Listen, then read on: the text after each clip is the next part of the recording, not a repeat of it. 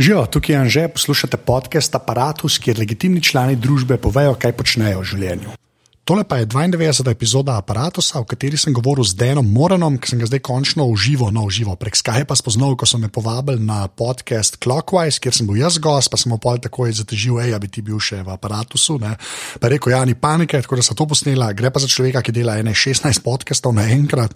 Zdraven je pisal prej za Macworld, zdaj pa piše za Popular Science, to se pravi popsci.com in pa za sixcolors.com.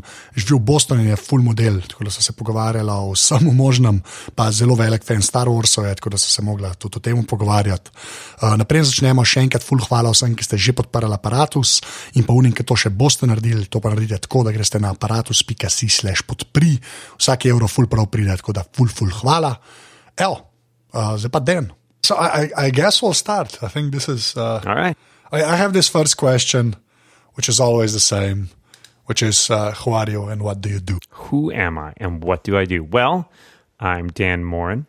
What do I do? Well, until not too long ago, uh, I was the I was a senior editor at MacWorld in the U.S., um, where I had been full time for seven years and a uh, freelancer for about a year and a half before that. And now I'm not. And that's been an interesting adjustment. So these days, I guess I, I should say I'm a freelance technology writer.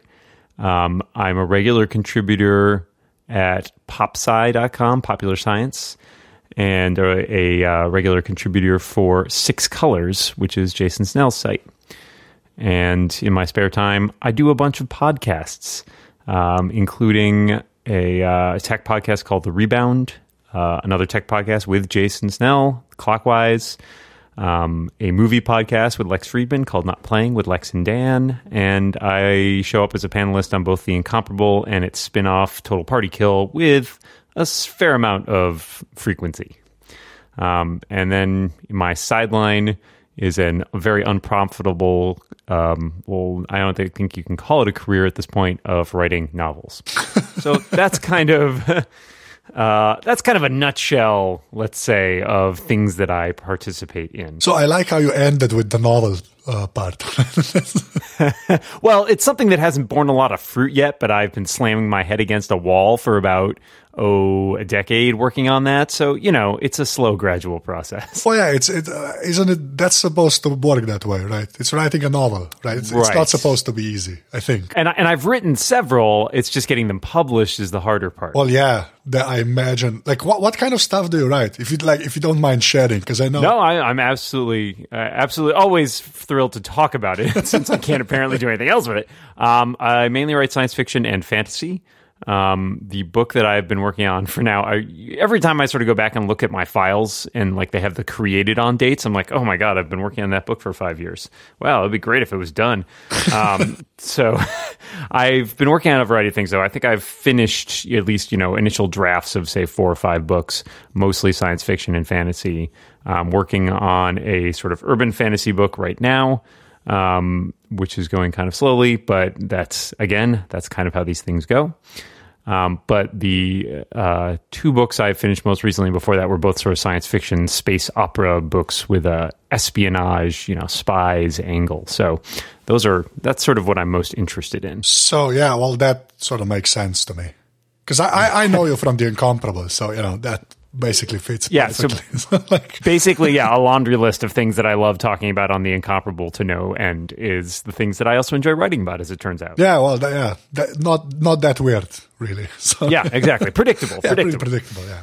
So you're not writing romance novels. That's pretty much what you're saying, right? I am not writing romance novels. I won't deny that there have been romance plots in some of the novels that I've written. Uh, and actually, a friend of mine who is a uh, a fantasy author, a guy named Myke Cole, um, who he um, I think one of the things he he vowed to himself at some point that he would see if he could write romance novels under a pseudonym, mainly because he just felt like you know it's it's a very strongly uh, female dominated industry, and he was just curious. He's like, you know, there are so many women writing writing romance novels. I wonder if I could essentially write it under a woman's name and get it published. Um, I th- actually I think he wanted to write one under his own name too at some point. Just be like, I want to I want to sort of break through that barrier there and just see if I can do that. um, but he did he did write a pretty convincing Regency style romance as part of like a there was an online competition where a bunch of writers submitted um, like short stories essentially in things that they wouldn't normally write, but they were all under pseudonyms. And he his was a Regency romance, like a Jane Austen style romance, and nobody believed it was him because it was so different from all the other stuff they wrote. But I think he did a really good job with it, and it's I I think you know the, it's interesting the the categories we all fall into when we feel like, oh yes, romance novels written, you know, predominantly by women and for women. It's like, yeah, but why is that? And and is that necessarily true, or is that just kind of the way that field's been built up? Or the same thing you could say about plenty of other fields where men dominate things. Like, is that? Yeah, I was yeah. about to say that's one of the like three fields where that's actually true that, that it's dominated right, right. by women. But yeah which is sad, but you know. Yeah, agreed. Oh, and now a phone is ringing. Sorry, I apologize for that. Why do I have a phone that actually rings? Yeah, and why does it sound like an old timey phone? I'm going to leave that in. Yeah, exactly. um, and you know, the best thing now is that because I have all these devices, these especially Apple devices, when a phone rings, everything in my house rings. Literally four or five devices ring at the same time. It's a little nuts. Yeah, I'm the same because I uh, uh, review like Android stuff basically. Mm-hmm. And I have like I have I have like a bunch of LG tablets and a phone here.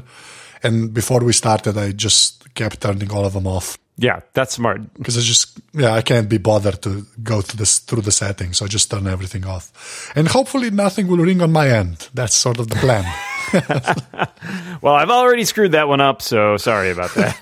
okay, so we have to talk about your technology writing, but before we do that, like how awesome is the name Six Colors? like how I am so, like I got mad when like because Myke launched Relay FM, which uh-huh. I think is a perfect name. Yeah, right? that's really good. And then Jason showed up with six colors, and I just got angry. I just got like, yeah, I, I am a little jealous that he came up with a name. And, and, what's good about it, I think, is that it, it is not something much like something like Daring Fireball. It's both personal and kind of general. Like it's not tied necessarily directly to Jason. Um, so, which is nice because it's sort of a good umbrella term. And so I write for it, which is great. And it's not like I'm writing for Jason Snell's blog. I'm like, I'm writing for something that sounds like an actual publication. Yeah, well, um, there's that. And it's also not like really a, you know, on the nose Apple name, you know? Right, exactly. It's not the Appley Apple Apple site, right? App, Apple yeah. World, yeah. Which people kept telling us for years we should rename Macworld to Apple. Why don't you call it Apple World? All you write about is iPods. Why isn't it iPod World? um, so yeah, I think that's smart. I I, I, envy that. I keep trying to figure out if I want to like you know start up a, uh, a sort of a a site for myself, not necessarily like a paper site, but just like I, I, try to come up with a good name. And so I have a blog, which is awesome. Called Dan Shot yeah, First. That is the best name for a blog. but that's the thing. It's like it's kind of limited. Like you can't have anybody else write for Dan Shot First. I feel like. Um, and I don't even I don't write enough for it as it is, but I wanted to stake it out at some point because I felt like, hey, it meshes with you know one of my my favorite uh, uh, movies of all time, and it's got kind of like a twist on it that personalizes it, and there's like I mean, it's like multi layered. Like it's got a lot of layers going on. well, yeah. Okay. Speaking of Star Wars, oh yeah, uh, uh we do a show here that's sort of like the incomparable, sort of does mm-hmm. you know uh, science fiction stuff and TV shows and all of that.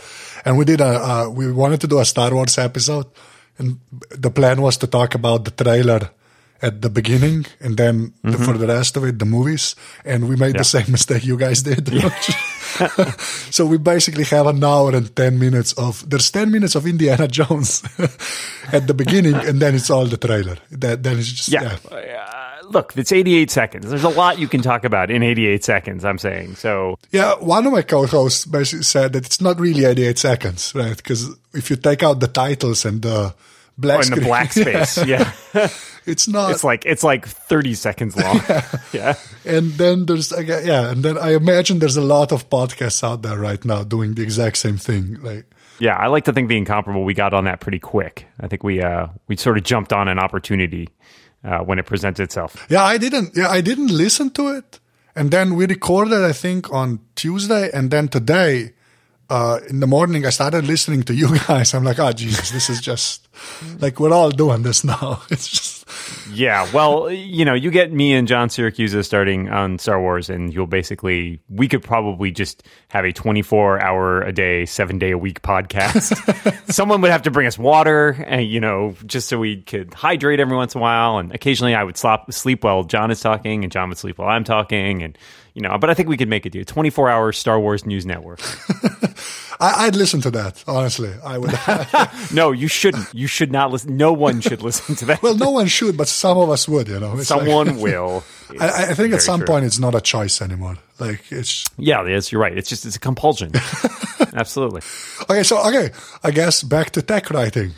Uh, yes. Uh, which is why do you do that? And I, okay, this is me. This is my serious voice, but like, because I think it's weird writing about tech. I don't know why I do it. Like yeah. I've, I've, written for a tech magazine now for I think five or six years. But like, uh-huh. why why tech? Well, so it's interesting. I have a sort of a weird background in that um, I always liked both writing and technology. Like among my family, I mean, we got our first computer when I was I don't know ten or something. Um, and even before that, I really loved like playing around with technological gadgets. Like you know, we would borrow a camcorder from some family friends or something like that. Um, or I just really liked poking around in the TV or taking things apart or stuff like that. So I always kind of had an interest in that. But when and when we got a computer, I was like, oh, this is so cool. You know, I can learn to do all these nifty things and pretty. You know, I pretty much outstripped my parents almost immediately um, they could not figure out how to do anything because I had like changed all the systems and they were like googly eyes over here and like all these crazy. I used to have this book of like stupid Mac apps or something, and I had all of them installed at one point. Um, but when I went to, I always loved writing as well, and so when I went to college, I went, I studied English, and so you know I spent a lot of time doing that. But my jobs during that period were pretty much always to do with technology. During the summer, I would go back home and I would work at a um, uh, the, I used to work at the Harvard Law Library. I was like a tech guy there for a long time, and so, but I, that was like my summer job. I was essentially like an hourly employee who came in in the summers, and they had me like move printers, hook up printers, and go around and troubleshoot people occasionally, and you know, move basically a lot of lugging equipment around. Um, and so when I got out of college with an English degree, and I realized, well, there's not a lot of opportunity to just drop right into that field um, I kind of fell back on technology. And so I went and worked at a small research program at Harvard for a while. And I was basically one of their uh, IT support people. And I also got into programming a bit that way. I was a web developer. So I built websites. I was a PHP developer, recovering PHP developer. Um, and a lot of people always ask me like wait your degree is in english like why are you doing this i'm like well i'm fairly good at it and I had the benefit of since I was someone who had studied in like the humanities, I could actually talk to people. That's okay. so I think I think it was a nice niche for me of being like someone who was conversant in tech, but also was you know could sit down in a room and explain things to people. Um, and so I, I, at some point I got kind of tired of that just because I knew I was going to be working on these tech projects forever. I had this website project. It was, it was involved building a CMS. So you know it's kind of doomed at the beginning. Yeah. But we were like, oh, we're going to build the best CMS ever. It's going to make it like so easy to deploy CMSs and blah, blah, blah. And then I realized, oh my God, I will never be finished with this project. It will literally, I could be working on this for the rest of my life and I would never be done. So I decided I needed to be done with that. And I had some, you know, interpersonal issues at that job uh, that I felt like, yeah, it's time for me to go do something else. Um, and so uh, technology, writing about technology was something I had always done a little bit on the side. On like, you know, uh, some of my friends, we had like a blog for a while. And so I would write about technology there. I was like, oh, well, that seems like a thing I could get paid to do, right? um, yeah, so I, strangely enough, I emailed. Um, I, I was an avid reader of Macworld magazine, and so I emailed Jason Snell because his email address at the end of all of his columns, and I was like, "Hey, you have any tips for uh, getting into technology writing?" And he suggested I go and pitch stuff to TidBITS, which is a long-running Mac site, and I did not do that. I totally did not listen to Jason. um, and so I spent like another year working in the tech field. And then I uh, actually went out to Macworld Expo after I'd left that job and met Jason and sort of was like, hey, I emailed you about this thing. You have any jobs? and he's like, well, we're starting this blog. If you're interested in that, send me an email. I was like, okay. And then I badgered him basically long enough until he gave me a job doing that. Um, and again, I feel like for me at that point, and this was 2006, um, it was I felt like I could write about tech in a way that was funny and approachable. And there, at that point, there weren't that many people doing that. I felt like, um, and that field obviously has exploded yeah. in the last decade. So it's no longer as unique as it as it probably once was, or uh, as, at least as, as rarefied, I should say. Um, but it's still something that I, I love playing around with technology and I love explaining to other people how to use it. And some people get very, very tired of me explaining to them how to use technology in my in my own life personally. They're like, "Oh yeah, just shut up about this stupid like Amazon Fire TV stick." Um, and so, you know, at least having that as an outlet to write about it and hopefully help people accomplish things with technology, which is is my biggest. I feel like I'm sort of an advocate for technology. Like yeah, this is cool. You should try this because it lets you do this neat thing. And isn't this cool? Because we live in the future. Um, and yeah, I, I think helping people use technology and sort of get the most out of their technology is what I find really rewarding about it. And it's definitely more interesting to me than writing about, say, sports or finance. so I guess I lucked out in that regard. Well, yeah, I think there's like I think there's a lot of us like that because I have a political science degree. Oh, really? Okay. Yeah, and I write about tech, which makes no sense, right? I mean, well, I think you can bring. You know, there's a lot of politics in tech, so I feel like you can bring your expertise to bear on that. well, yeah, okay, that's. I think that's stretching it maybe a little bit. But, well, we, we all sort of engage in trying to justify our college degrees. Right? Yeah, I think that's pretty much it. Yeah, you're just trying to yeah, just just like a what's what's that expression? A, a square in a. In a, oh, round shaped hole or whatever. Yeah, a square peg in a in a oh, round yeah, hole. See, yeah, that, I almost got that. I, yeah, it's so close. No, it's, it's good. okay, so but like because if you started really writing in 2006 and you were a Mac guy, mm-hmm. that's basically the best time to start writing about Apple, right? Sure. Yeah. I mean, we sort of, I got in on the early wave there, which is, I'd had a Mac pretty much straight through. Our first computer was a Mac, that one I got when I was 10.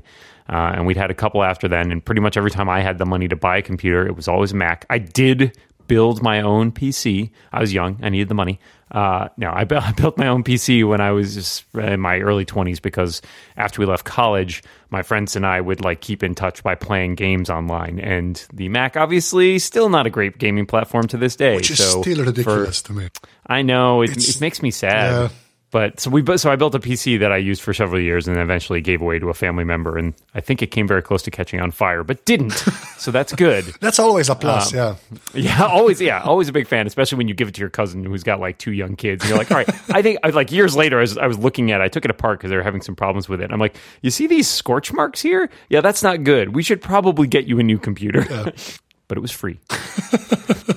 so when you started, I guess that was pre iPhone days. Yeah, just barely. Um, so yeah, the i the iPod had been out for about five years at that point, um, and then the iPhone came out. I guess I was about a year into my career, um, or it was announced. So yeah, the original iPhone event, I think up until the most recent Apple event, the iPad event, which I did not go to because I was no longer at my job. Um, I think I had been to pretty much every Apple event except for the original iPhone launch. that must or the, the announcement. yeah, well, I was the low man on the totem pole, and they sent me to CES, which incidentally is a hellhole. So I'm like sitting in a corridor in the Las Vegas Convention Center, like refreshing my computer, watching my colleagues who are there, you know, live blogging the iPhone announcement, and just like looking around the hall at all these people walking around and be like, "Guys, did you see this? This is cool. This is so. Oh God, why am I in Las Vegas? This is terrible." yeah, you want to the oh that just I don't know. That's I just feel sad now. just yeah, me too. I was pretty sad, but I I got to see it like in that rotating glass like I because I, I, flew from directly from Las Vegas to San Francisco and caught like the last two days of Macworld Expo, and so I got to see it in like the rotating glass pillar, which was very exciting. yeah, that's yeah. Uh, you're basically like Indiana Jones there. Yeah, just I'm exactly like yeah. Indiana Jones. Thank you. yeah, thank you. I'm glad somebody finally realized that. Yeah, well, uh, okay, uh, the, the other thing I wanted to ask is since you basically wrote for Macworld, but you started on writing for it online, right? Yeah, I started writing for the blog that they had started around them was Mac User, not to be confused with the old Mac User magazine, because Macworld and Mac User merged, I think, in the late '90s. Um, and they sort of Macworld owned the Mac User name, but had nothing to do with it. Like they didn't they were obviously weren't going to put out two magazines. Um, so it kind of lay dormant for a while. And then Jason decided to start a Mac user blog because all these other sites were starting, you know, the unofficial Apple weblog was really popular and a lot of these like Mac blogs were starting to pop up. And so he's like, well, let's have a, a blog that has like a little more informal tone and it's a younger group of people writing for it. We can get a bunch of different voices. So yeah, so I started writing basically as a blogger for them um, not getting paid very much. I think the original price they quoted me was five dollars a post. um, yeah, and they when I turned in my first month, they're like, "Okay, give yourself a bump to seven dollars a post." I was like, "Woo!" not great, not great. I mean, and I had a cap on how many posts I could put out for a month. So for the first several months, I was writing up to that cap. Like they told me you can write 100 posts. And so I was like, I'm going to write 100 posts then because I have no other job right now. So, uh, well, that makes sense, I guess. yeah, it does make sense. It was hard. I was living, fortunately, I, or unfortunately, I don't know, that might not be the right word, uh, because I had left my, my development job. I had moved back in with my parents. So they were really incentivized to get me out of there as fast as possible. so they were very supportive, which was great. So, the, see, the thing I wanted to ask you, because I, I sort of knew that from, I don't know, I guess I heard you talk about it somewhere else, but. I think I talked to Myke Hurley about it on, uh, one of his command space. Yeah. Oh, that might have been it. Yeah. But the thing, like the thing I wanted to ask is how how did you see that whole you see because you were writing for the website i guess or for the blog right? Yeah. And then there was this whole other sort of group of journalists that were writing for the magazine. Yeah. Like how did that interplay work? Because i'm sort of in a similar position now because i'm basically the online editor of an actual magazine not a tech magazine it's like a political cultural magazine. Uh-huh. and the the two desks are basically separate. Like i just want to like i just want to know how you saw the guys that wrote for the magazine. Well, it was interesting. Like like I said, I was a huge reader of the magazine. Like I got print copies of it every month since I was like 14 or something. Um, and so I knew all the names in there, and I was really excited to be like, you know, even considered in the same breath with some of these people. Um, and so I it was and it's it changed a lot over my tenure there because when I came on board, I feel like it was pretty like you're saying, like there was a wall between it to a certain extent because there was still the feeling of like, well, if we're online, we're giving that stuff away. So we kind of want to reserve like the good stuff for the print product that people are actually paying for. Um, but as I was there, you know, and I started doing more and more stuff for Macworld, I did uh, pitch a couple things for the um, the the magazine, and I, I, think my first piece was like a how to piece, uh, and then I got some stuff published on Mac on the MacWorld website. Um, and I remember, I do remember really early on getting. Um, I was doing a review of something. I cannot remember what it was, but our reviews editor sent me this like lengthy package about all the like very specific things that I like you needed to do in order to review something. And it included like this crazy spreadsheet for like weighting, coming out with that final mouse rating. And you like were supposed to put in all these different factors and it like averaged this out. And I'm like, wow, this is way more complex than I, than I knew anything about. And, and as someone who had had no journalism training, I was like, oh my God, I'm totally a fraud. Like, I don't know what I'm doing here. Um, but I think that at some point that started to change because they realized that wasn't really sustainable as more and more stuff went online. And so by the point that I was sort of like in the middle of my tenure there, the way that it got reorganized was eventually that pretty much everything showed up online on the website first, and the magazine became more and more of a sort of best of compilation. Because when you're putting out a monthly magazine, for one thing, you can't really do news, right? Yeah. Because all the news you know the month the lag time is so long. I mean it's like at least a month um, that anything that was recently relevant was you know people have read about it already because they've read all the websites especially in apple news right? Where people is people are like poring over those websites every day. There's nothing you can put out in the magazine that is going to be breaking news. So you're kind of limited to being like, all right, well, let's pick out sort of the most significant things and try to make sure we have sort of an analytical bent. Um, same thing with reviews. Like you can't really time a review embargo for a new product, so those are going to lag behind. Um, and so even sort of the how-to stuff, a lot of that was called from the online stuff first. Um, and about the only thing I think that came out occasionally first in the magazine were features because those were big enough you could plan them ahead of time and they had generally some sort of timeless quality to them. But even in a lot of those cases, they were online first stuff because if Apple came out with a new iPhone and we wanted to use it as a feature, like, oh, wait, everything you need to know about the new iPhone, um, it still had to go online first because you couldn't hold on to that information for a month and be like, oh, yeah, wait until our, our print magazine comes out and you can read all about the new iPhone. Again, everybody will have read about it already. so it's, I think it, it evolved a lot during the time that I was there. And more and more they realized like these couldn't be two separate things. They had to sort of work together. And it made sense for the online stuff to be first because otherwise your print product is increasingly irrelevant. Uh, i think a lot of places are still battling with that. Obviously macworld at the same time that i left they also discontinued their print magazine um, and so that will be less of an issue than they used to have. They are still putting out a digital edition every month, which I think will probably follow a similar path of like the best of type things from the the, the online website. Um, but it's a lot of places are dealing with this challenge of how do you have a coexistence between a print and a digital because if you have like a print one that people are paying for and a digital one that is free and it has the exact same content, well, everyone's got smartphones and tablets now, so why wouldn't they just go online instead of trying to buy a print one? So I, I don't know. I I think it's it's interesting to watch this continue to evolve. I, I do still like reading hard copy magazines and stuff like that when I can get my hands on them, but it's more of a um, nostalgia factor probably than anything else.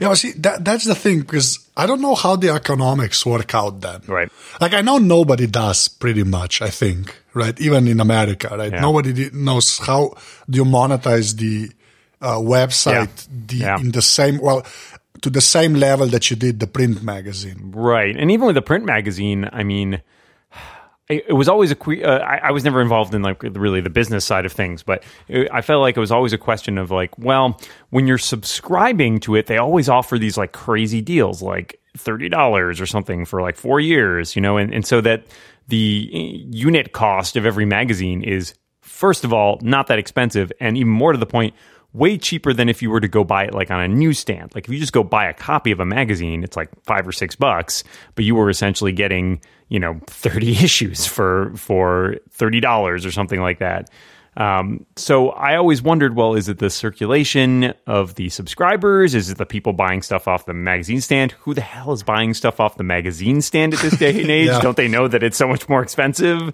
So I think you're totally right that it's it's people trying to figure out print, but in some ways, I feel like because most magazines had both those circulation uh, that circulation revenue but still got most of their money from advertising. It's not that the model is that much different. It's just that eh, advertising in general, I think, has become a lot more scrutinized and a lot more questionable. And online, certainly, where there's a lot more of it, and it's harder to.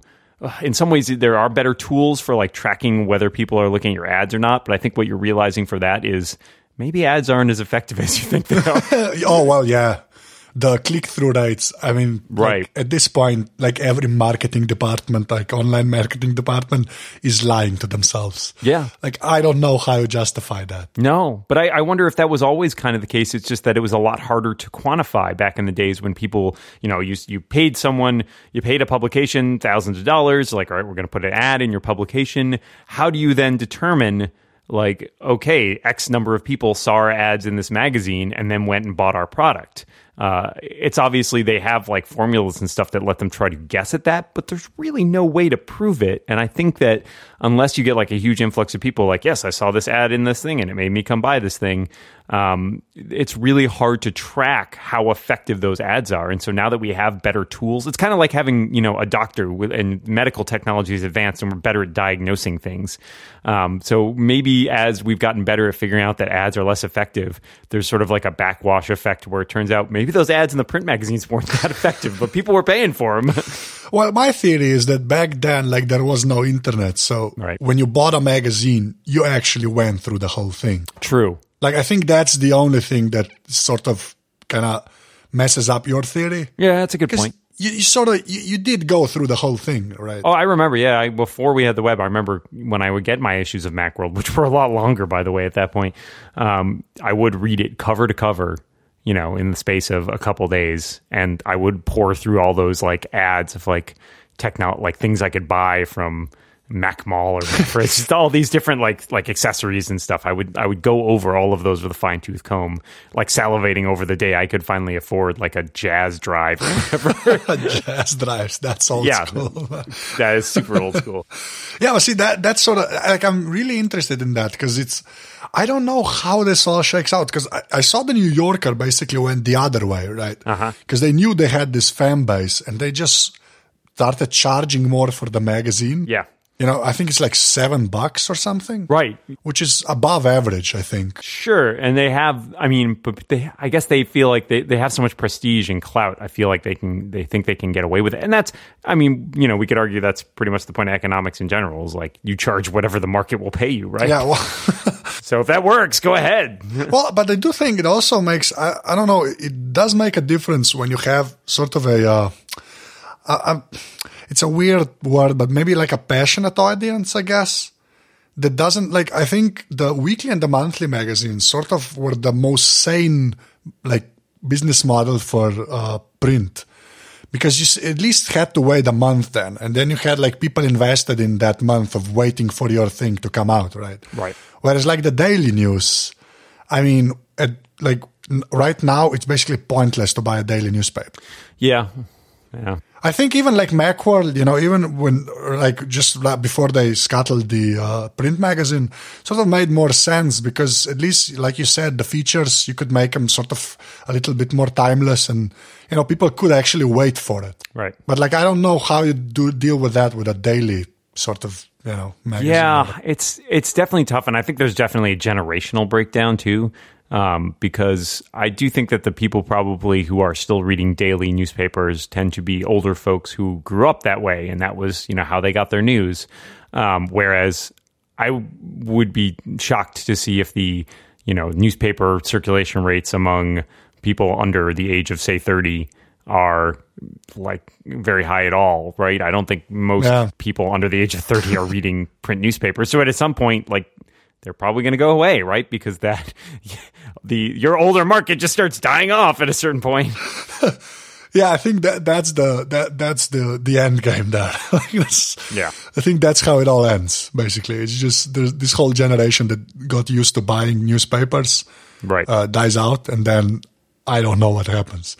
But see that that's sort of that, I, am not asking you like what the solution is, but like what do you think? Like, do you think the the younger generation, let's say 30 and like under, right? Okay. Do you think that generation will ever like pay for stuff online? Like actually pay for stuff online? God, I hope so. I mean, yeah, that's my answer as well. Always, sorry, I always yeah, say that's that. Fine. yeah, I, and I don't know. I mean, hmm, I'm trying to think about my conversations with like family members and stuff who are under that age. I think some of them do. Um, I think that the models of consumption are changing, and, and I think it really depends on how you uh, on like what kind of thing. Like for example, do I think that they will pay like four star keep forking over like a dollar a song on iTunes? I'm a little skeptical of that because I think that they're they are coming of age in a coming of age. They're like 30 uh, in, in, a, in a in a time when there are so the the prevalent model, especially for things like media, is sort of like an all you can eat model, right? Like they're used to they've now grown up with things like Netflix, um, and so they're used to the idea of like, all right, I'm going to pay a certain amount per month. I'm going to get access to everything. Um, and they probably are used to things like Amazon, where it's like I'm going to fork over some money to get something. Um, and I think it really depends on on what you're buying. Um, and I think apps are definitely uh, the trickiest proposition when it comes there because I think there are so many people who are like, no, no, I just downloaded this one because it's free. Um, and so it is hard, even though we're talking about ridiculously small amounts of money when compared to the money that they spend on other things like you know the time old time aged comparison to a cup of coffee. Yeah. Um, you know and they'll they'll fork over seven dollars for like some crazy thing with caramel and I don't understand I don't drink coffee so I don't know. But they'll fork over like seven dollars at Starbucks but if, you know asking them to pay like five bucks for an app is blasphemy.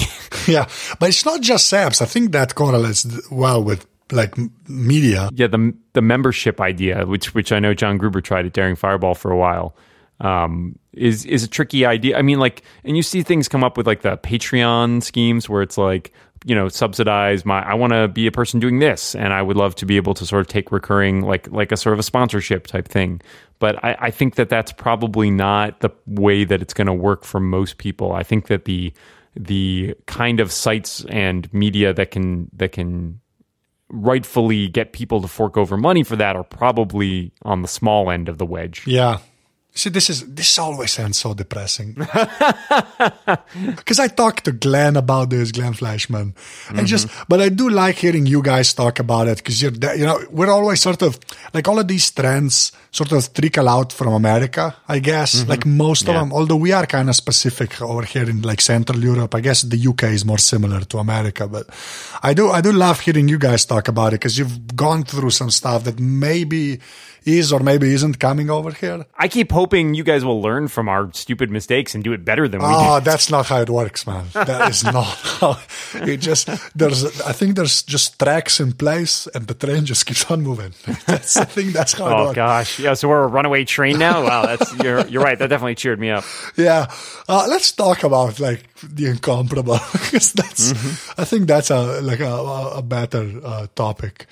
But I, I want to ask you about podcasting in general because there's been a lot of mm-hmm. talk about that. But doing podcasts, right, or at least doing spoken word stuff, mm-hmm. were you always comfortable comfortable with that, or like did you have this period of adjustment? I, like I do know now that you were an English major, so that sort Yes. of makes sense, and you had social skills, you know. But I don't know. I, I always find that fascinating because I think, like, I, in my experience, some people basically freeze in front of a microphone. Yeah. And then there's some people that sort of get used to it, and then there's people that just die every time, even if it's like five years in a row, basically. But I, I you know, I, it's interesting. The, the sort of first memory I have of doing any sort of public speaking was in, I think I was a sophomore in high school, and one of the pro, one of the things we just had to do as part of the curriculum was essentially give a speech, and it was a intended to be some sort of persuasive argument. And you had to get up in front of class, and you weren't allowed to write it down. You could have like note cards with like bullet points and stuff on them, but you couldn't just like read a speech. Um, and you had to sort of make a persuasive argument. And I remember being terrified and I had to my my piece was on the Communications Decency Act, which at the time was sort of a contentious bill in the U.S. Congress that would have made it a lot easier for the government essentially to censor things online. Um, and so obviously there's big free speech implication and a lot of discussion over like, well, who gets to decide what is considered objectionable and not. And so I, I done a speech on that. And I just, I remember getting up there and being like, like sweating and shaking and all that. And I don't know when the point was where I sort of adjust. I see. And that's the thing is I think I realized at some point that I really enjoyed performing. Um, and that performing to me was a very different feel from having to say present a prepared work. oh, okay. Yeah. A- a- For some reason in my brain, those are two separate things. So getting up there and knowing that I had to persuade a bunch of people or make an argument that was like laid out in sort of a logical fashion was really difficult for me. Um, but if I got up and I was just sort of trying to like work with an audience and sort of get them to respond to me, make maybe make them laugh or maybe just you know try to be entertaining in some way, that was not as scary. Um, and I'm I'm not really I'm not an actor. Like I took an acting class in college, which I think was definitely enlighten, enlightening. Um, but even with that, like having to memorize and remember lines was a lot. Was that's just not as good for me because then as soon as I have a script or something that I need to stick to, I'm always panicking that I'll forget or that I'll miss a cue or something like that. But if I just get up and I just need to sort of ad lib and talk improvisationally, it's fine. For whatever reason, my brain can just do that sort of automatically. Uh, and it's amazing to me even at this point because, you know, when I go on podcasts every week and I, I never have things planned out that I want to say, especially, you know, when we do the incomparable and I'll come in and Jason and, and John Siracusa and some of our other panelists will have like lengthy notes written out of all the things they want to talk about. I have nothing. I go in with nothing. I have no notes. I have nothing. I just want to, I'm just there for the conversation. Like it's for me, it's like a sport. It's like, oh, you're going to say this thing. It's like, it's like watching tennis. It's like someone hits the ball at you and you're like, oh, all right, I should hit it like this. And then you like make a response and then they hit it back in a different way. And so I, for me, I really enjoy that aspect of it because even I don't know what I'm going to say at certain points.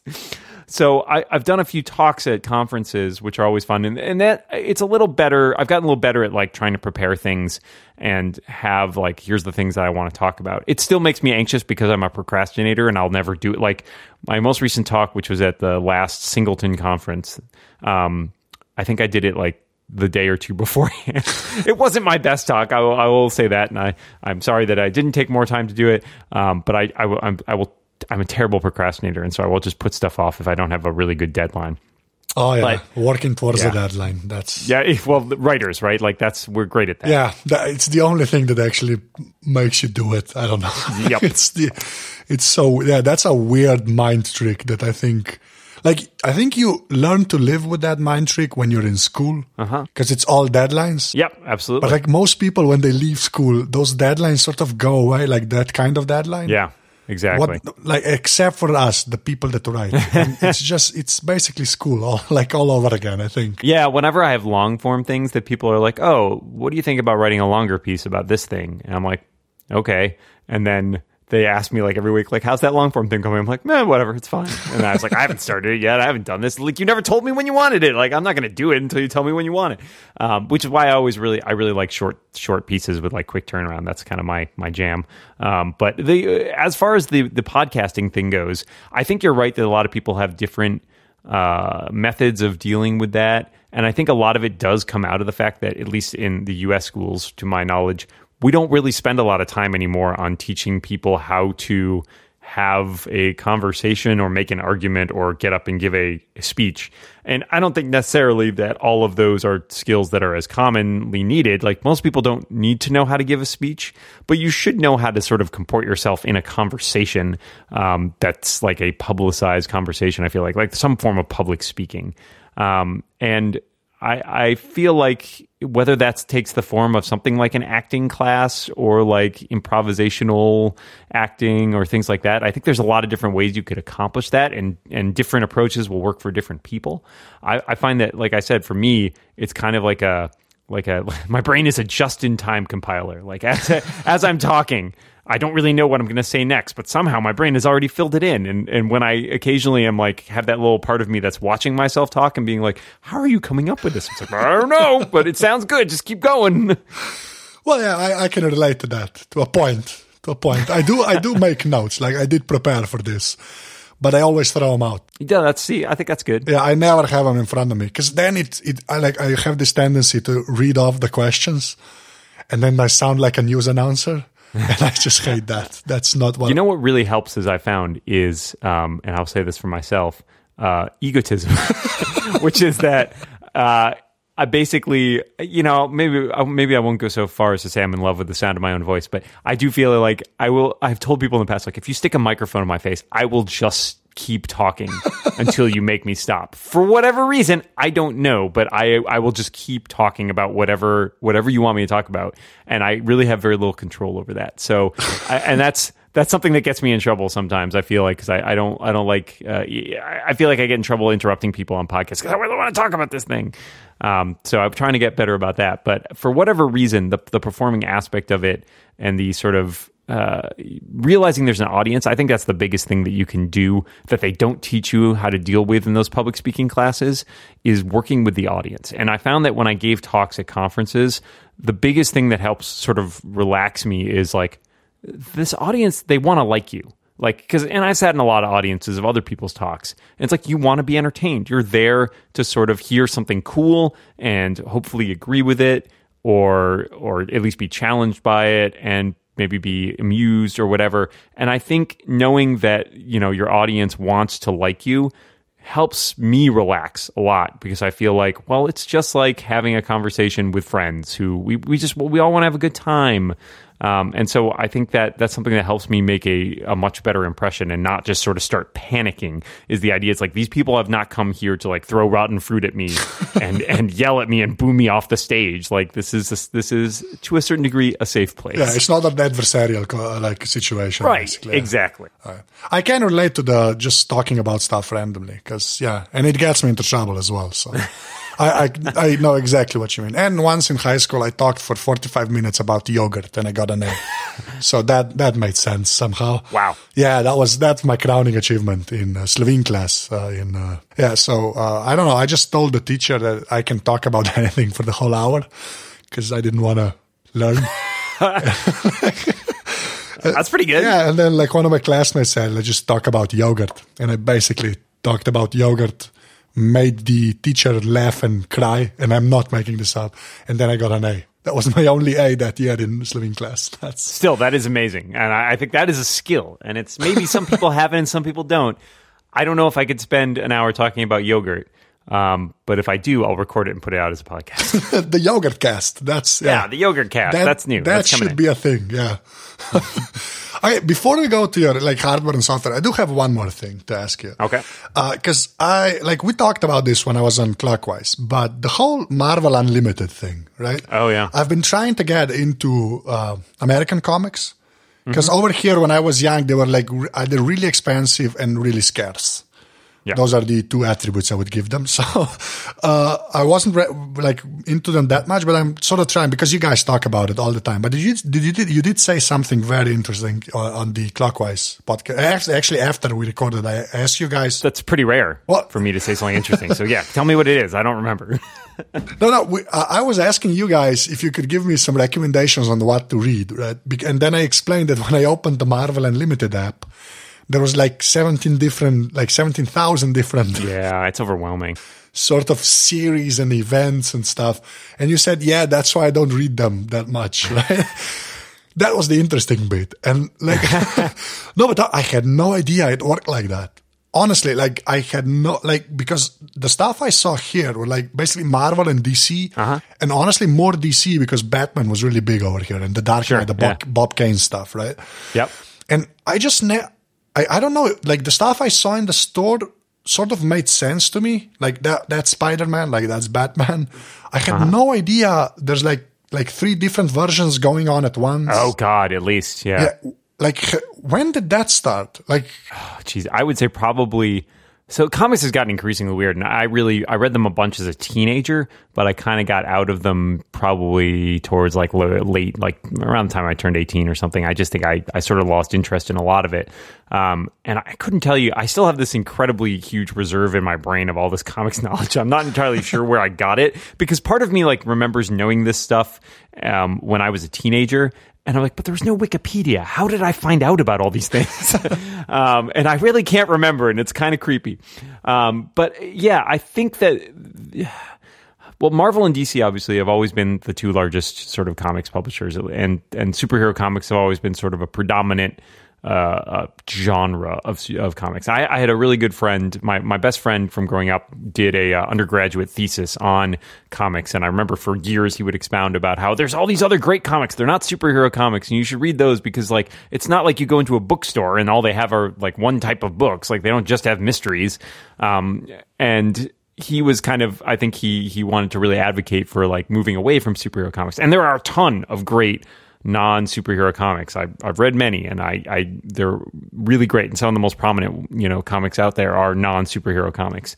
Um, but I've only recently started to get back into reading some of these superhero comics. And part of the reason, as I told you, was um, for not reading more is that it is it's overwhelming. I was like, I don't know where to start. Yeah. Um, a a good friend of mine reads a lot of comics currently, um, and he's a big Batman fan. And he's like, but what he got really annoyed recently was that so many of the stories would interweave through all these different titles. And so he'd be like, this, he read, he was giving me some example. I think it was something to do with the Joker. And he's like, he had done something creepy. And he's like, but this was covered in a totally different series. And he's like, well, I would have had to read, read that series in order to understand what was going on, even though it's sort of recapped in the series that I am reading but I really feel like now I'm kind of missing out because there's elements of this story are happening in other comics that I'm not reading. But as soon as you start picking up those comics, there's other comics that you still have to like read into. And then Yeah. I think that's probably the goal of the companies is like, well, we want you to read everything because then you buy everything and we make so much more money. um, but I think that sort of But that's like in a- the 80s and 90s that sort of really Yeah. kicked off with all those inter all those big events that span all these different titles and it was an attempt i think probably to get you to read more comics it's like well we get people out there, but they're only buying Batman or they're only buying X Men or whatever, and it's like we need to bolster all the sales of all our other series. So in order to do that, let's have a big thing that like crosses over all these different titles, and then they'll have to buy all the other titles in order to make sense. Annoying. Yeah, that's such a douchey move. Like I, I agree. yeah, I don't know. That's just feels icky to me. Like it's, I don't know why. Um, that's part of the reason that I'm the only things I read right now are tend to be more self-contained things. So I think Jason and I both recommended Hawkeye to you. yeah, although I started reading the Iron Fist, the Immortal Iron Fist. Yep. and that is awesome. which is also really good. Yeah. Um, and but it's also it kind of there are definitely hooks in there to things that have gone before, and especially as far as the characters go, you get like a little bit of history of the characters. Um, but it's it's largely self-contained, which is nice. Um, and I think the same thing is true about Hawkeye, which I also really enjoy. Which is it's it mostly doesn't matter too much if you haven't read anything else. All that really matters is you kind of know who Hawkeye is. Even in that case, you do run into some of his interactions with other characters. You're like, I don't know what the history between these characters are. So I end up going to my best friend Wikipedia and looking up like, oh, what, are these two characters? Oh, they used to be married. Like, oh, that explains a lot, you know. um, and and my other the other thing I'm reading right now is Saga, which is totally self-contained because it's all you know Brian K. Vaughan, uh, his crazy imagination. Um, and so I've read a bunch of other stuff like that in the past where it's sort of like self-contained series. And I also don't tend to read series until they're done because I don't like the idea of it's it's the same thing you run into with like reading like Game of Thrones or something. It's like, oh, well, now I've caught up, and now I have to wait five years before the next book comes out. Yeah. It's like I don't want to get into the trap of having to buy comics every month, so I'm going to wait till they're done, and then I will get the trade paperbacks or borrow them from friends or whatever, and then just read the entire series in one sitting. Because I I have problems where I tend to forget things, so I'll read like you know, especially you know, Game of Thrones is another good example. I will read four books. I will wait several years. The next book will come out. I'll start reading that book and remember and realize I don't remember what any of these people did in the last book, or like how they got here, or what the hell is going on. Um, so that's a problem for me. So I like to read things sort of in a short time window. Well, yeah, and th- that's what Marvel Unlimited is sort of awesome at because you can just go Right, through right. it, right? Yeah, I think I'm like Yeah. three quarters through the, the Iron Fist. So yeah, that was yeah. Nice, Yeah, nice. I've been really enjoying it. I, I like this. Is, like the month is going to be up soon. Like I think I have like Yeah. Three more weeks or two more weeks, weeks and then I really need to decide if I want to fork over those ten bucks. like that's going to be, yeah, that's that's going to be a tough one now. So yeah. Yeah, that's tricky. Yeah, but it's a great service. I don't, I actually don't use it that much. Um, I don't think I'm a subscriber currently, but I've done like you. I've gotten the free month and like read a bunch of stuff. Um, but yeah, I uh, I know Jason Snell really likes it, and it does seem like a really good way to get access to a bunch of comics without breaking the bank. Because I bought some digital comics for a little bit and realized, wow, I cannot afford this. Like, it's just too expensive to keep up with all these different things at like for like three four bucks an issue which i can read in like half an hour it's like that's that's not a good cost value proposition for me Yeah, it gets weird. Yeah, because I, I remember like a year ago when Comixology was the big thing, right? right right I just kept like, where do you people get all this money? Like, I just don't like. You, that is a lot. Like, if you want to read a whole series and buy each one individually, Jesus, like it adds up. It really does add up. very very quickly too expensive Okay, so now we uh, move to your uh, hardware and software, and we can start with your hardware. So, so what do you currently use? well let's see. Right now hardware wise i am sitting in front of an imac. It is from 2011 i believe. Um, it's 21.5 inches. It's pretty good. Uh, i've been this one um, I've been using for, I think I got it in 2011, so I got it new. Uh, my favorite feature about it is that it has a small blue line that goes part of the way up the display from the bottom, which I've never gotten fixed um, because at some point I was like, man, I whatever. I have on, other computers. on which side is it? On the right side? It's right in the it's right in the middle. Oh, wow. Yeah, it goes right through my dock. You know what's funny is like I actually have gotten to the point where unless I'm thinking about it, I don't notice it anymore. oh, even though it that's goes sad, man. That's- about four or five inches. Um, yeah, so that's that's my favorite part about the computer. It it actually works pretty well. This is sort of like my workhorse these days um, because it's my it's my mic is hooked up to it. Speaking of which, yes, my podcasting setup is attached to it, which includes uh, a, a Blue Yeti, which is mounted on a shock mount with a on a Heil boom arm, which I invested in earlier this year, and I really really like. Um, and that's uh, connected to my uh, connected to the iMac, and I've got a pair of headphones that I got for free in some speaker bag years ago. They're Shure's. They're pretty good, like studio headphones. oh, okay. Um, let's see, what else have I got? Um, my current phone is an iPhone six. Uh, I had most of the iPhones. I think the 5S was the first one I did not get when it came out. I actually skipped that year. Um, and since the iPhone 6 came out after I left Macworld, I paid for it out of my own pocket, but I did sell a bunch of my old phones, which was nice. um, so I got a good deal on it.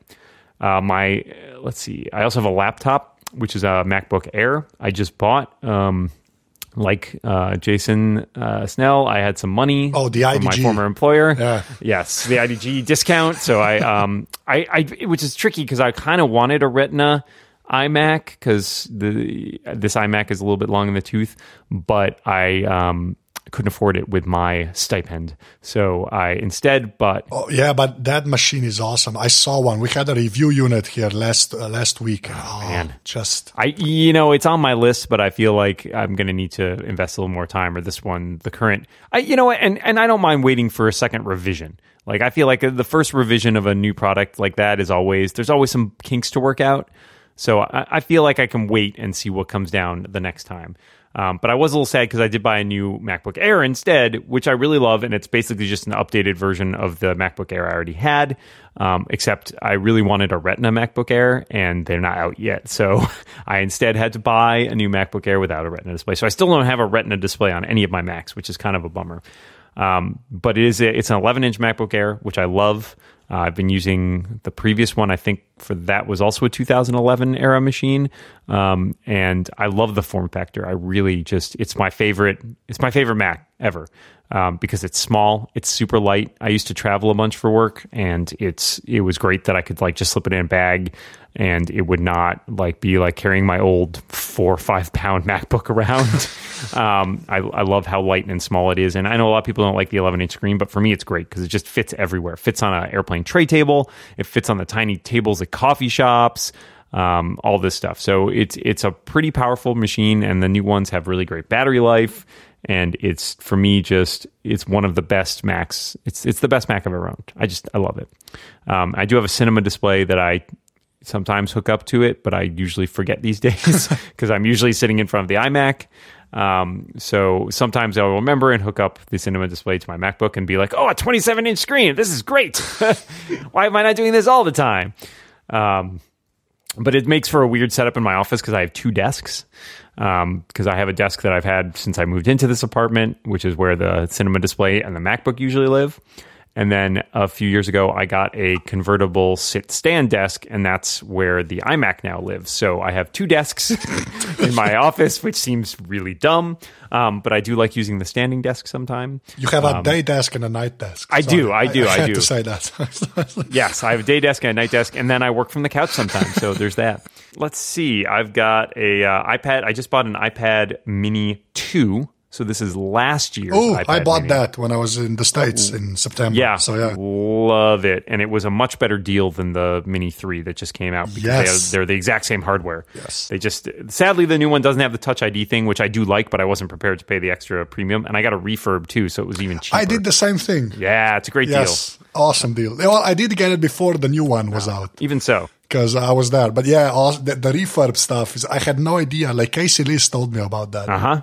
Yeah, He just said, yeah, just look on the because I went to America, so I could actually get it there. Mm-hmm. And then there's no customs because I just brought it over. Ah, yeah. So just awesome. Yeah, that's like I just wrote a, uh, review of like all the best uh, tablets basically. Uh-huh. And the iPad uh, Mini 2 wasn't really in the running because it's not really a new thing, right? Mm-hmm. But it actually won anyway for cheap tablet because we did like a premium yeah. one where the Air 2 won. And then I needed to find a cheap one, and I was it was either that or the Nexus Seven, which are like they came out in the same year, I think. Mm-hmm. But like that one's just it's insane. yeah. Like the the value you get for yeah, oh yeah, just all Oh yeah, I just and I sold off a couple of my old. I sold off. I had a first gen iPad Mini, which I liked, but the it was just so sluggish, and the non Retina screen was kind of getting to the end of its useful life. but I sold that, and I sold an old iPad 2 and got almost enough to cover. Oh, nice. Um, my new iPad Mini, so it worked great, and I'm super excited, and I love I love this iPad Mini. Um, and so let's see. In addition to that stuff, my other big setup is my uh, my HD TV. I bought a new TV back in August, 55 inch TV. It seems enormous, um, but people kept telling me I was like, oh, I'm thinking like a my 40 inch old Samsung TV broke, and so people were like, oh, just get a bigger one get a bigger one. You'll be happy you got a bigger one. I'm like, well, I don't know. All those seem so big and so big. And I was like, oh, maybe I'll get like a 50 inch one. And then they're like, no, no, go to the next size up. I think John Syracuse bugged me about this too. And I was like, all right, fine. So I'll get the next one up, whatever. So I bought that. I'm like, whoa, this is so nice. oh, this is. so I guess I could have gone bigger. yeah, you're you're like you uh, you couldn't know this, but I I was about to buy a 64 inch nice Samsung Plasma because they stopped making them. Yep. And yep. there were just a couple of left in the entire country over here. Mm-hmm. And the day I wanted to buy it, it got sold. The last one got sold. Ah, so, yeah, and I've been saving up for that. And now I'm stuck with my 2007, like 32 Oh, inch no. LG LCD, which, Oh. like, I've been mourning that plasma for the last seven days. Like, that's that's really sad. I'm sorry to hear that. yeah, so yeah, it's just funny you should bring that up because Well, if if you want to, if you want to buy it, my friend's been trying to get rid of his 50 inch uh, plasma, which uh, he because he wants like an 85 inch one. So I'm sure the shipping costs are probably outrageous. yeah, just uh, yeah, just a pittance. Yeah, so uh, I have so I've got my TV set up, and I have I think as I wrote on uh, Six Colors uh, last week or a week or two ago, I have a slight problem with buying things that plug into my television. yeah. So I have a uh, Apple TV, a Fire TV. I now have a Fire TV stick. I also have an Xbox and a Mac Mini hooked up to it. Um, and all of those are basically for watching some form of TV or another. and yet I don't have I don't have cable TV, um, probably because I have six devices hooked up already. Yeah, I don't have cable either, so yeah, I, I can. I do have a Chromecast because I'm on Android, so that makes more I, sense. but, I had one and I took it to a hotel and left it there by accident. so, oh well. So I bought a new Fire, I bought the Fire TV stick when it came out because they had Amazon was selling it here for like twenty bucks if you were an Amazon Prime member. I was like, at twenty bucks, I can afford to buy that and sort of play around with it. It's pretty good. and it works with hotel Wi-Fi, or it's supposed to work in the future. Yeah, It will it will work with hotel Wi-Fi, which I'm really excited about because that was my biggest problem with the Chromecast. Was that it never quite managed to work as well as I wanted. yeah, it to. I, I read that piece because I review all of that stuff as well. So, well, the Amazon stuff, not really, because it's useless over here. oh yeah, because yeah, Yeah. no service. Just it's yeah. useless. We we got a bunch of like Fire tablets, and they're like, it's the most pointless device if you're not an American. It's just there's pretty much nothing you can do on it. Well, that's too bad. Yeah. Yeah, I'm still using my Apple TV predominantly right now, but I, I just I think I wrote a piece last week for Six Colors about how I'm a little disappointed that. They haven't haven't taken a sort of a big push on that, so I'm waiting for uh, whatever whatever they come out with next year. I'm, I've got my fingers crossed that Apple's going to make a big push on a on a new set top or some sort of some sort of TV connected device, but um, probably after the whole watch thing. Um, so yeah, I think that covers sort of most of my most of my most of my hardware. I think. As far as software goes, since you are an iPad user, I always ask that because I think the phone apps are sort of you know, but like any iPad specific apps you really like to use. iPad specific apps. I'm going to look at my home screen and see what actually is on here because um, clearly that's how important it is. um, well, most of my stuff tends to be universal stuff that runs on either the iPad or the iPhone. Um, I will say that uh, the things that I find myself relying on a lot include um, I really like Goodreader um, on my I, iPad for reading PDFs. Um, though I've recently also been working with um, what is it PDF Expert, I think, um, which is also a really good PDF app. Uh, I tend to do a lot more PDF stuff on my iPad than um, on my uh, iPhone. Um, Wow, I have an app on here that doesn't work anymore, I think, which is hilarious. Why is it still on my home screen? That shows you how much I update my home screen. um, I also am I'm kind of a crossword aficionado. So I have the New York Times crossword app, which I try to do every day, which I love on the iPad. It's fabulous. Um, and let's see. Oh, I just downloaded this app today. It's not an iPad specific app, but I just downloaded it today because it just came out called Workflow Okay. um, which is like kind of like an automator app for iOS. Super cool looking.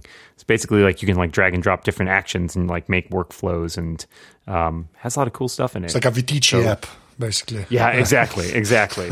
Um, yeah, it's, of course, sadly, the joke was, um, you better buy it now before Apple makes them take it down. it's like, oh, so sad. Are you a Safari or a Chrome guy? Uh, I am a Safari guy. I will tell you one app that I am using recently, which I really enjoy, even though it's kind of dumb.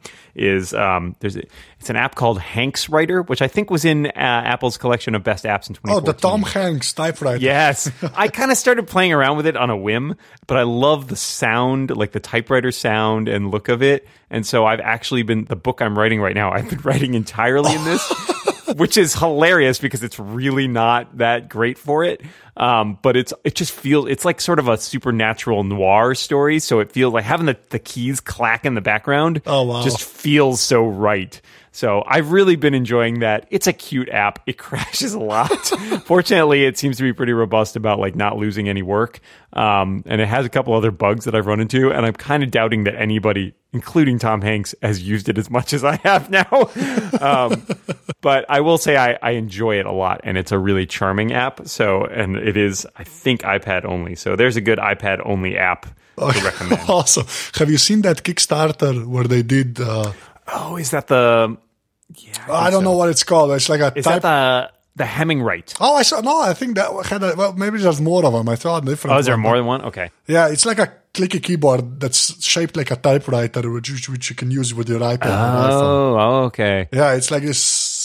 It looks awesome. Honestly, it looks like really retro. I would be, I would be the, yeah, I'd be the envy of everybody in the coffee shop when I come in with my clunk. Yeah, but Then, then you need a hipster beard and some like thick rimmed glasses. I think. That's true, and I don't wear glasses, so they would need to be fake glasses. Fake glasses, yeah. extra, extra hipstery. Okay, well, this brings me to my last question, which is always uh, the same. If you had to pick one physical thing, it can be a gadget or not. I've gotten like room heaters for answers and stuff, which you think made an impact in your life. You might still have it, you might not, but what would that th- one thing be? Um, I would have to pick. You know, maybe this is yeah. I, I'm very sentimental. I would have to pick my my my first car. Okay, Um, which was I it was a Honda Accord. It was nothing very special, um, but I learned to drive stick shift on that car. Oh, awesome. Um, and I and I'm still a stick shift driver to this day. I had to. Unfortunately, that car died about two years ago, and I bought a new car, which is also a stick shift, which I really like. But it was not. I so I, I had that car. Let's see, I got it in 2000, and I drove it up until 2012. So I had that car for 12 years, um, and I loved it. I drove it across the country and back, um, and I just it was for me, and I and I and I always think about this. It was kind of like it was like my Millennium Falcon. It was like you know I knew it inside and out. I knew where it would break down. I knew exactly like the things I had to do in order to like get it working again. Like exactly where to like like bang the console so something would work right. And I just I loved that car, and I, I you know what? I'm not too proud to admit that I cried like a baby when I had to get rid of it because I was just eh, I had been part of my life for so long and part of you know who I was, and I, I really loved driving, and I had put a ton of miles on that car, and I was I'm always sort of in the, in the group of my friends I'm always the person who drives people around, so I, I had a lot of good memories associated with that car. Um, and I was really sad that it, it eventually hit a point where I just couldn't, it could not be repaired. And so I, I actually ended up donating it to a place that actually fixes cars up and then gives them to people that need them. Oh, awesome. Which act, which was really, and I got a nice note from the person who got my car. And she really loved that I had put in, I had just put in a new uh, stereo system with like a USB connector and everything. and she was like, "Oh, your stereo is so great! I'm so happy." And I was like, "You know what? I feel like it went to a went to a good home, and somebody's getting use out of it. It wasn't just junked because I felt like there were a lot of miles left in that car, as old as it was. So I have to say, I I really thi- still think back fondly on that car. Um, and I'm I'm sad that I don't have it anymore, but I'm glad that somebody else is making good use of it. So I, I think it made a pretty big impact on my life. Yeah, that was an awesome answer and nice to hear you're a normal person and use a stick shift because when I was in America in September, I drove a Prius, which is an automatic, and it's the weirdest thing I've ever done.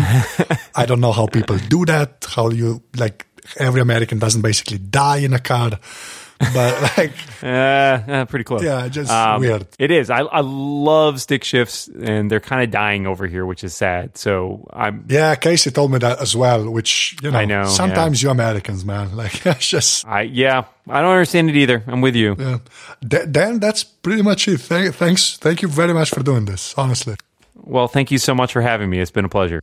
Tole je bila 92. epizoda aparata. Dena najdete na Twitterju pod afna.dmoren, jaz sem na Twitterju afna.nzt, tako da mi lahko tam težite ali pa še en mail pošljete na anzeafnaaparatus.si. Lahko ste tudi kakšno oceno aparatus v iTunesih. Naprej grem pa še enkrat full hvala vsem, ki ste že podprli aparatus, spomnim, da to boste naredili. Uh, res full hvala, ker lahko še več sajtov tole vržem. Sicer pa vesele praznike in do naslednjič je to to. Hvala, da ste poslušali. Čau.